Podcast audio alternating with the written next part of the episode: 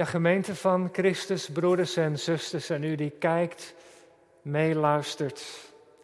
Ik weet niet hoe dat bij u of jou is, maar als ik bij iemand sta die overleden is, moet ik altijd naar de ogen kijken en naar het stille gezicht. En dan denk ik bij mezelf, waar ben je nu? Hoe zal het je daar vergaan? Een kind kan je dat zomaar vragen. Mama, papa, waar is opa nu? Opa is bij de Heer Jezus.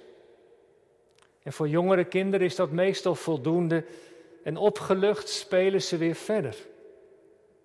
Maar als je wat ouder bent of kinderen hebt die vragen stellen, blijft het daar vaak niet bij.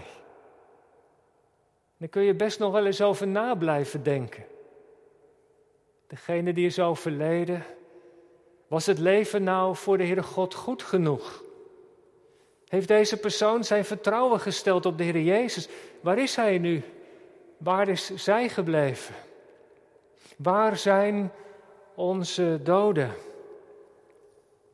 Over die vraag, zo weer even geleden, heeft professor van Niftrik, theologisch hoogleraar, een boek geschreven in 1970 al. En de titel Waar zijn onze doden? En hij geeft in het boek heel wat verschillende antwoorden. Hij zegt onder andere: Onze doden zijn in het graf. Wij hebben iemand die geliefd was, kostbaar voor ons, neergelegd in de schoot van de aarde. Begraven doen we met respect. Want dat was iemand die een tempel was van de Heilige Geest, door God geschapen naar zijn beeld. En het graf is de plek waar we ook komen om herinneringen op te halen. Een ander antwoord dat hij geeft, onze doden zijn in de hemel. Ook dat is natuurlijk een prachtig antwoord. Want voor wie gelooft, is de dood het einde niet.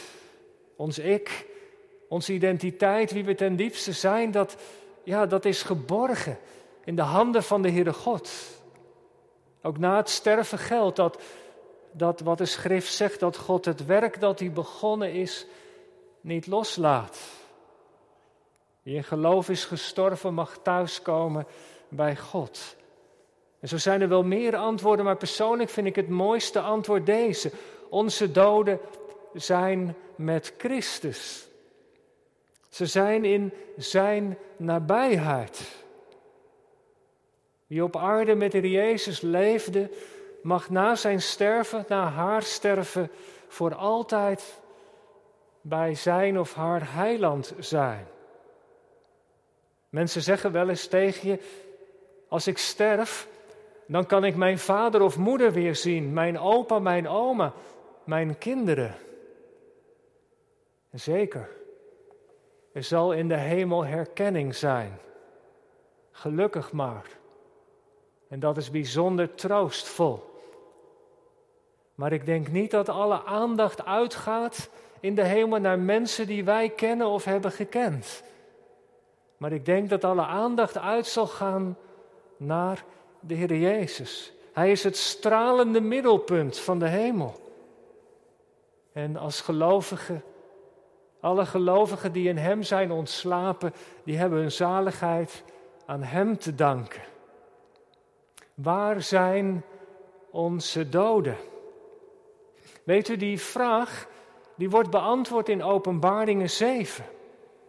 Die grote menigte van gelovigen uit alle talen, volken en culturen, die staat daar, ziet Johannes, voor de troon van God en voor het lam. Ze zijn dankzij het heilswerk van Jezus in de gloria. En Johannes vertelt in Openbaringen 7 wat hij allereerst hoort en wat hij dan vervolgens ook ziet. Maar dit hoofdstuk vormt een tussenstuk, een intermezzo tussen het zesde zegel, waar we twee weken geleden, waar de preek mee eindigde, en het zevende zegel aan het begin van hoofdstuk 8. Hoofdstuk 7 is een tussenstuk, een intermezzo. En we zagen twee weken terug dat het zesde zegel betrekking had op de laatste dagen voor de wederkomst van Christus. De laatste dagen voordat het oordeel van God gaat komen. Een spannende tijd waarin alles wat zeker is zal wankelen. En de vraag die opkwam Wie kan op die dag bestaan? Wie zal die dag kunnen overleven? Vers 17, hoofdstuk 6 zei: Wie kan dan staande blijven? En dan zegt het visioen van Openbaringen 7: Er zullen mensen zijn die staande bleven, die staan voor de troon van God. En weet u, weet je, dat antwoord op die vraag is voor Johannes zo belangrijk dat hij de beschrijving van het zesde en het zevende zegel als het ware uit elkaar trekt. Het antwoord moet eerst gegeven worden. Er zullen mensen zijn die in die verdrukking op aarde, in het oordeel van God niet ten onder gaan. En later vraagt Johannes ook aan een van de engelen, wie zijn ze dan?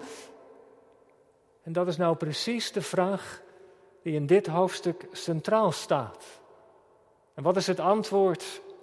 Het visioen geeft een dubbel antwoord.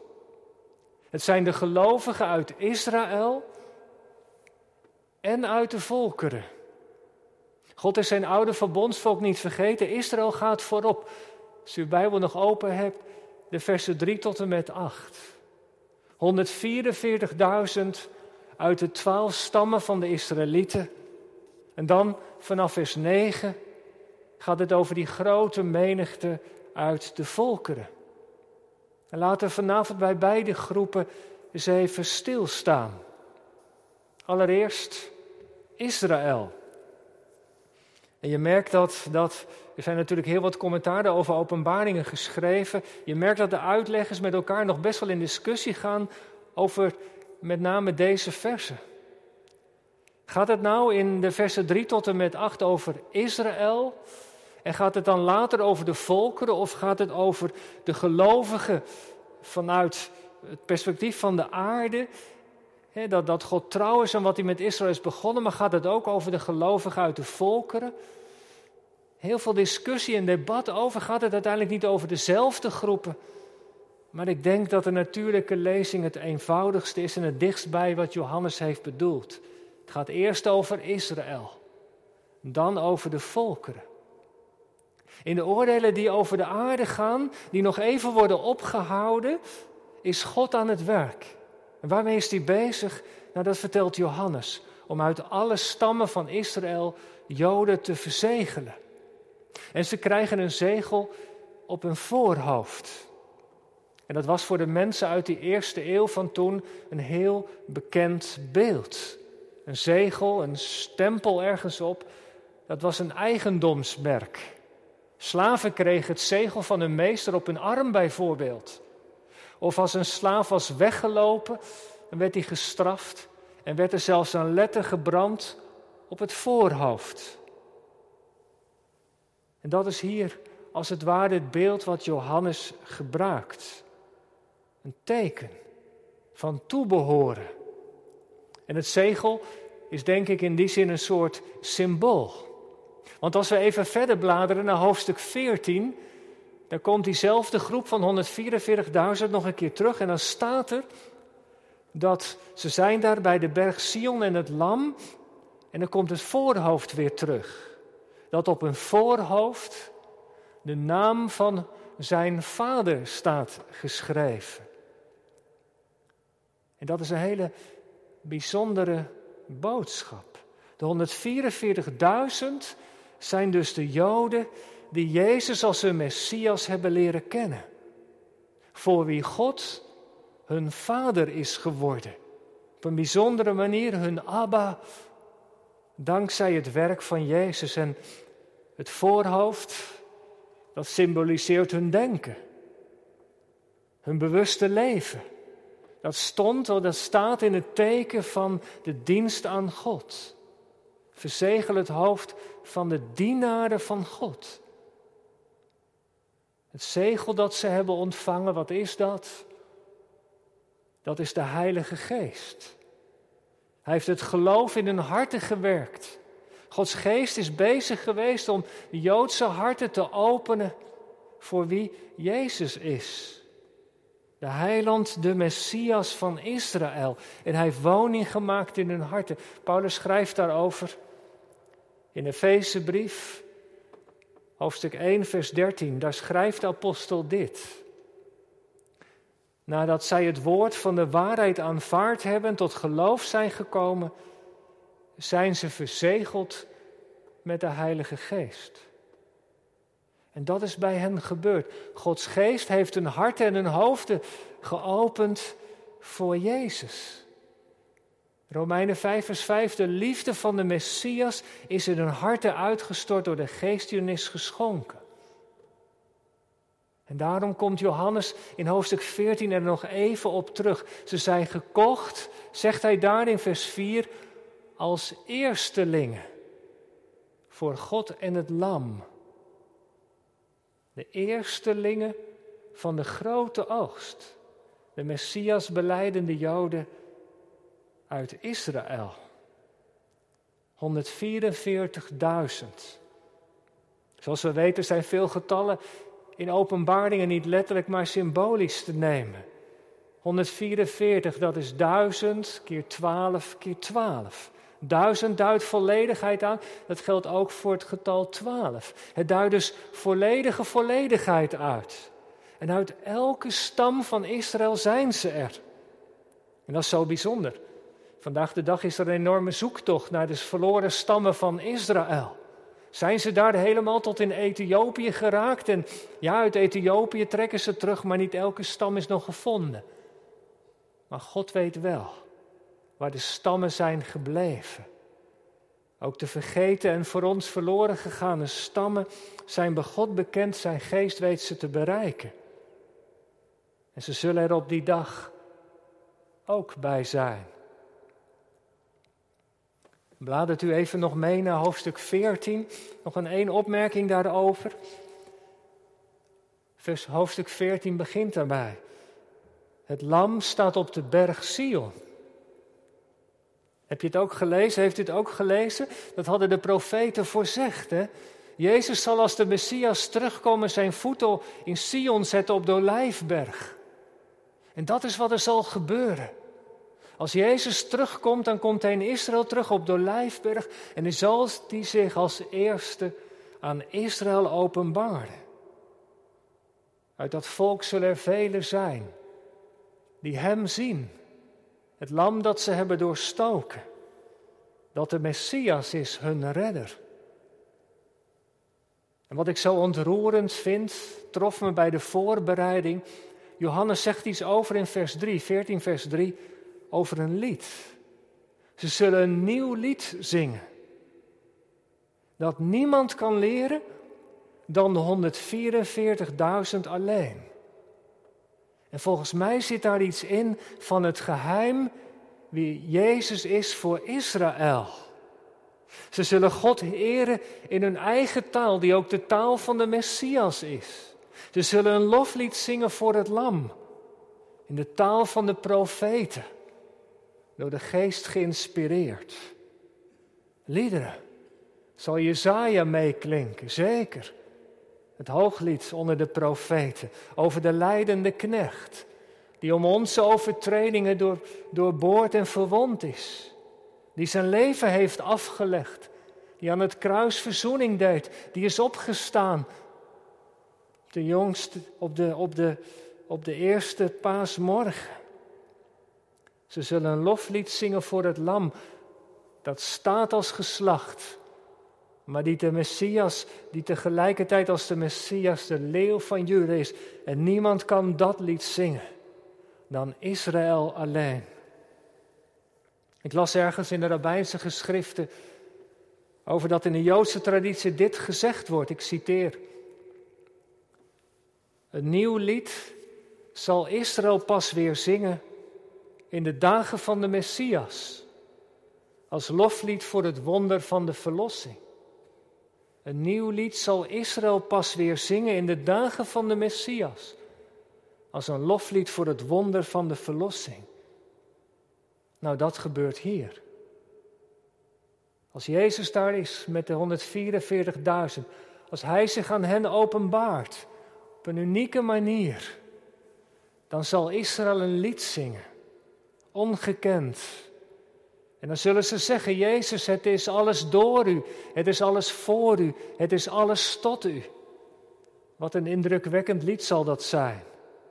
De eerstelingen die zich niet hebben besmet, die zuiver hebben geleefd. Trouw aan de geboden van God met liefde voor het lam, voor de leeuw van Juda.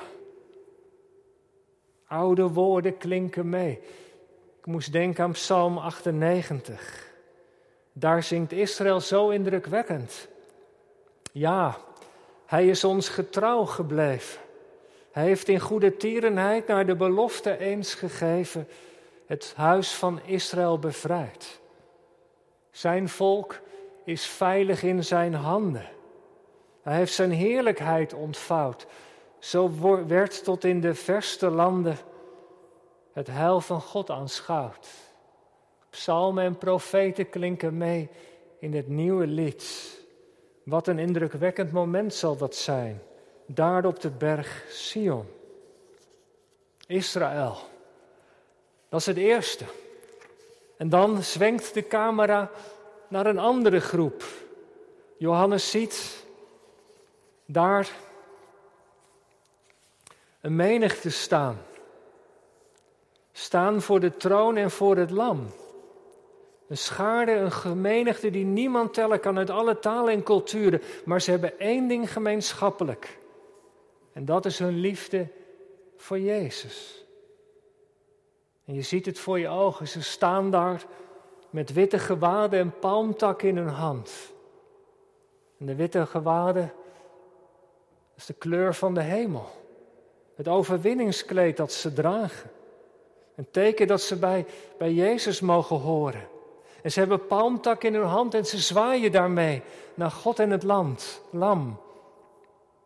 Een teken van dankbaarheid en diepe vreugde. Palmtakken.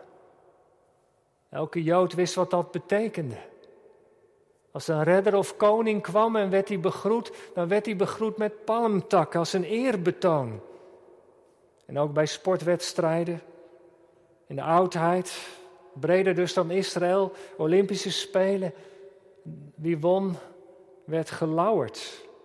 Ook met een palmtak, als teken van de overwinning. En daar staan ze voor de troon met de palmtak in hun hand. Een loflied voor het lam, want ze hebben hun leven aan hem te danken. En met die tak brengen ze hem hulde, vertelt Johannes moest ineens denken aan bijna vier jaar terug. Toen dominee Abma begraven werd, oud-voorganger hier in de gemeente. In deze kerk werd de afscheidsdienst gehouden en hiervoor stond de kist. Op die kist lag een opengeslagen Bijbel, dienaar van het woord, maar ook een palmtak. Een teken van overwinning. Dankzij het offer van het lam. Zo'n prachtig symbool. En met de tak in de hand zingen ze een lied. Een loflied voor het lam. Maar wie zijn die mensen eigenlijk? Uit alle talen, culturen en volken. Dat is een vraag die klinkt. Wie zijn ze? En het antwoord komt in vers 14. Iemand vraagt het aan Johannes. U weet het toch, Heer? En dan komt het antwoord. En in het antwoord valt het accent op het lijden dat al deze mensen ten deel trof op aarde. Het gaat over verdrukking. Nou, daar had de Heer Jezus zijn discipelen voor gewaarschuwd. In de bovenzaal, in Johannes, die hoofdstukken die erover gaan, die, dat laatste gesprek van de Heer Jezus met zijn discipelen, Johannes 16, laatste vers, vers 33, had hij tegen ze gezegd. In de wereld zul je verdrukking hebben. Kijk daar niet van op, dat is je lot. Je deel, als je mij volgt, zul je in de wereld verdrukking hebben, maar hij had er ook aan toegevoegd. Maar heb goede moed. Ik heb de wereld overwonnen. En zo, wie zijn ze? Ze komen uit de grote verdrukking, is het antwoord. En dat kan duiden natuurlijk, die grote verdrukking, dat kan duiden op de tijd vlak voor de wederkomst.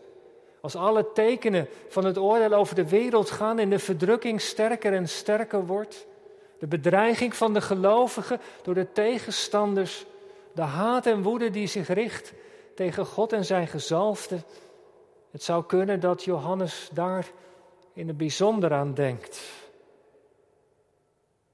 Maar tegelijkertijd, en ik denk dat de uitleggers ook wel gelijk hebben, wijzen ze erop dat het waarschijnlijk ook wel breder is, breder geldt.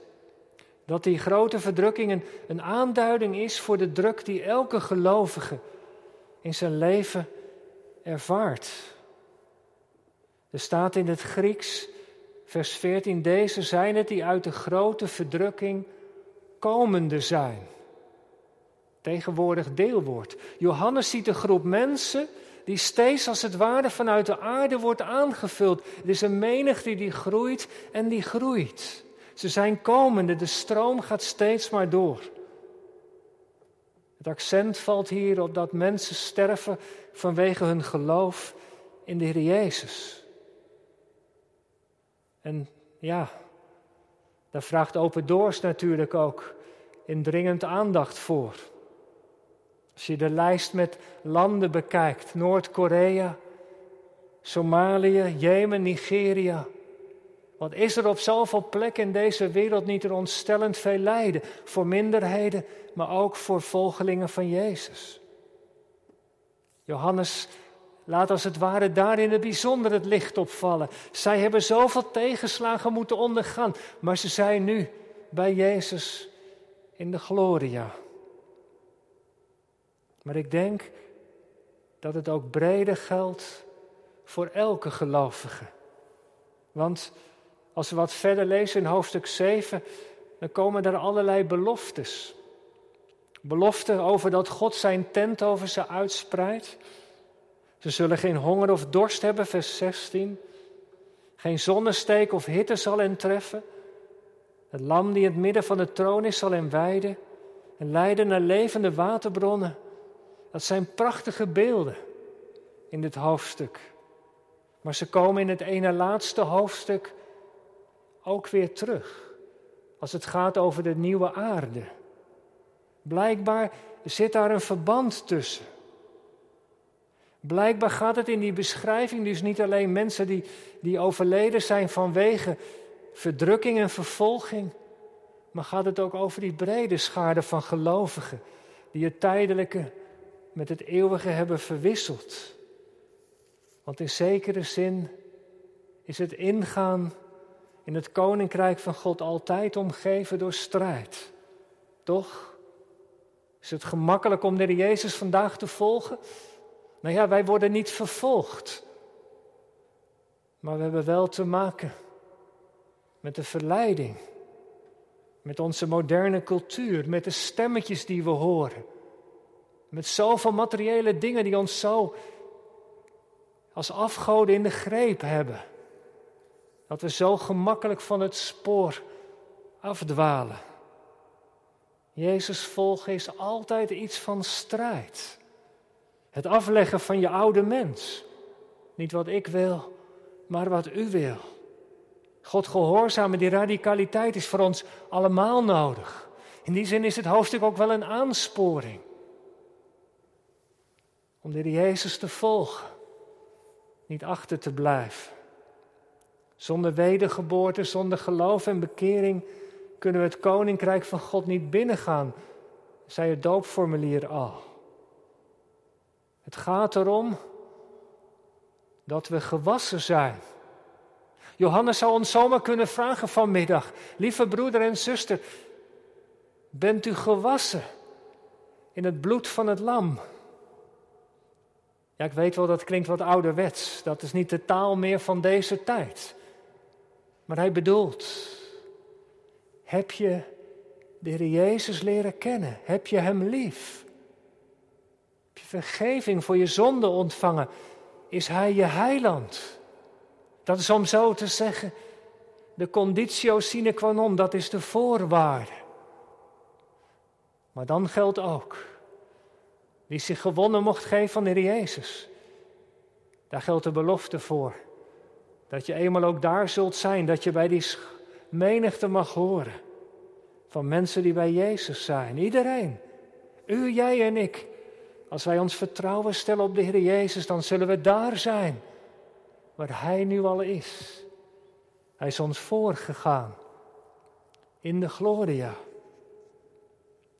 En als wij kinderen hebben die ons te vroeg zijn ontvallen, dan mogen ook zij daar zijn waar Jezus is, de kleine en de grote.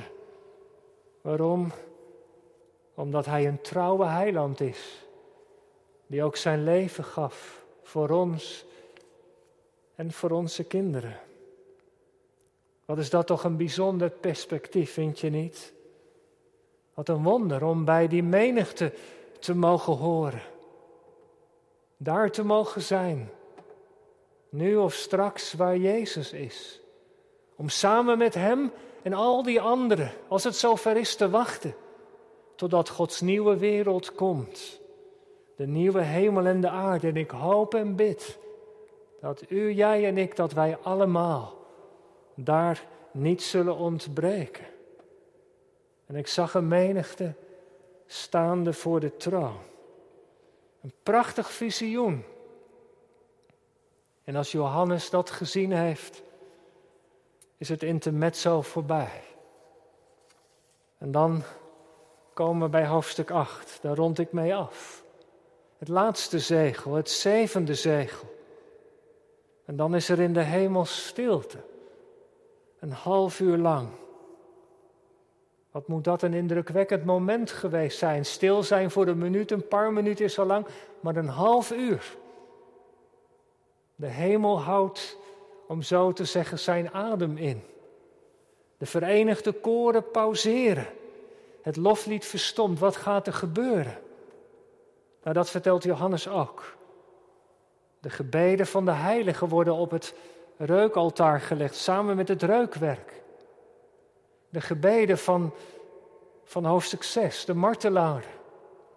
De gebeden van alle heiligen, ze worden verenigd en op het reukaltaar gelegd en de geur stijgt op. De gebeden stijgen op tot God de Vader. Welke gebeden? In Openbaringen 6 baden ze om recht. Je zou het kunnen samenvatten. Dat is nou wat het gebed, het gebed wat de Jezus ons heeft geleerd. We mogen het elke dag bidden. Onze Vader in de hemel.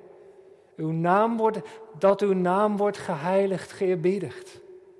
Laat uw koninkrijk komen. Laat uw wil geschieden in de hemel, zo ook op aarde. Dat is het gebed om de komst van Gods koninkrijk. Dat is het gebed om het rechtvaardig oordeel over het kwaad in deze wereld. Dat is het gebed dat God alle dingen nieuw maakt.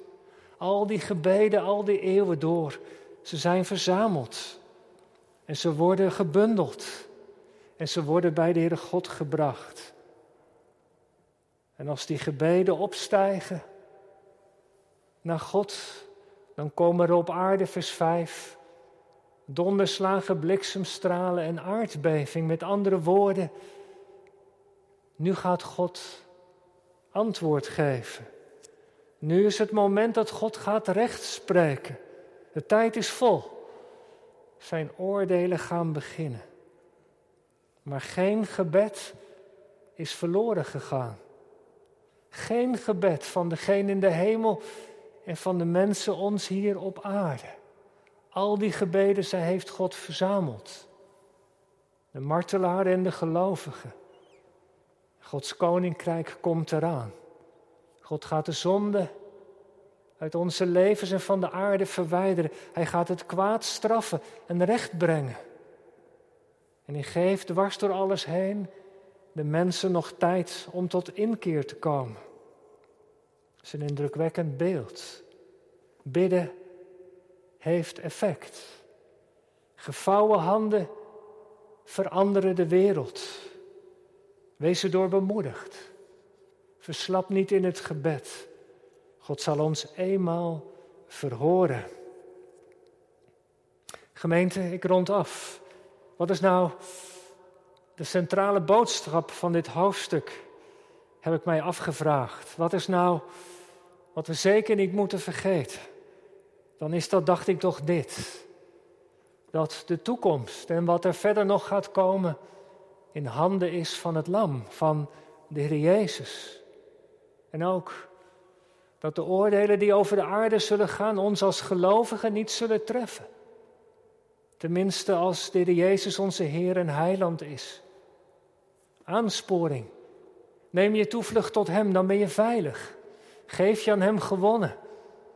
Dan zul je op die dag niet ontbreken.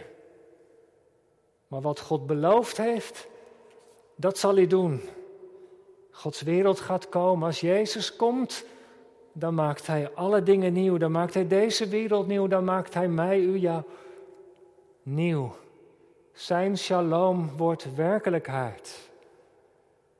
Zullen het meezeggen met het lied dat we gaan horen zometeen. Aan het einde van de dienst. Hij is de Heer van mijn leven. Straks als de nieuwe dag begint en het licht voor altijd overwint, het duister wint, mag ik bij hem binnengaan, voor zijn troon gaan staan. Hef ik daar mijn loflied aan. Jezus leeft in eeuwigheid. Wat zal dat, wat zal dat voor dag zijn? Amen.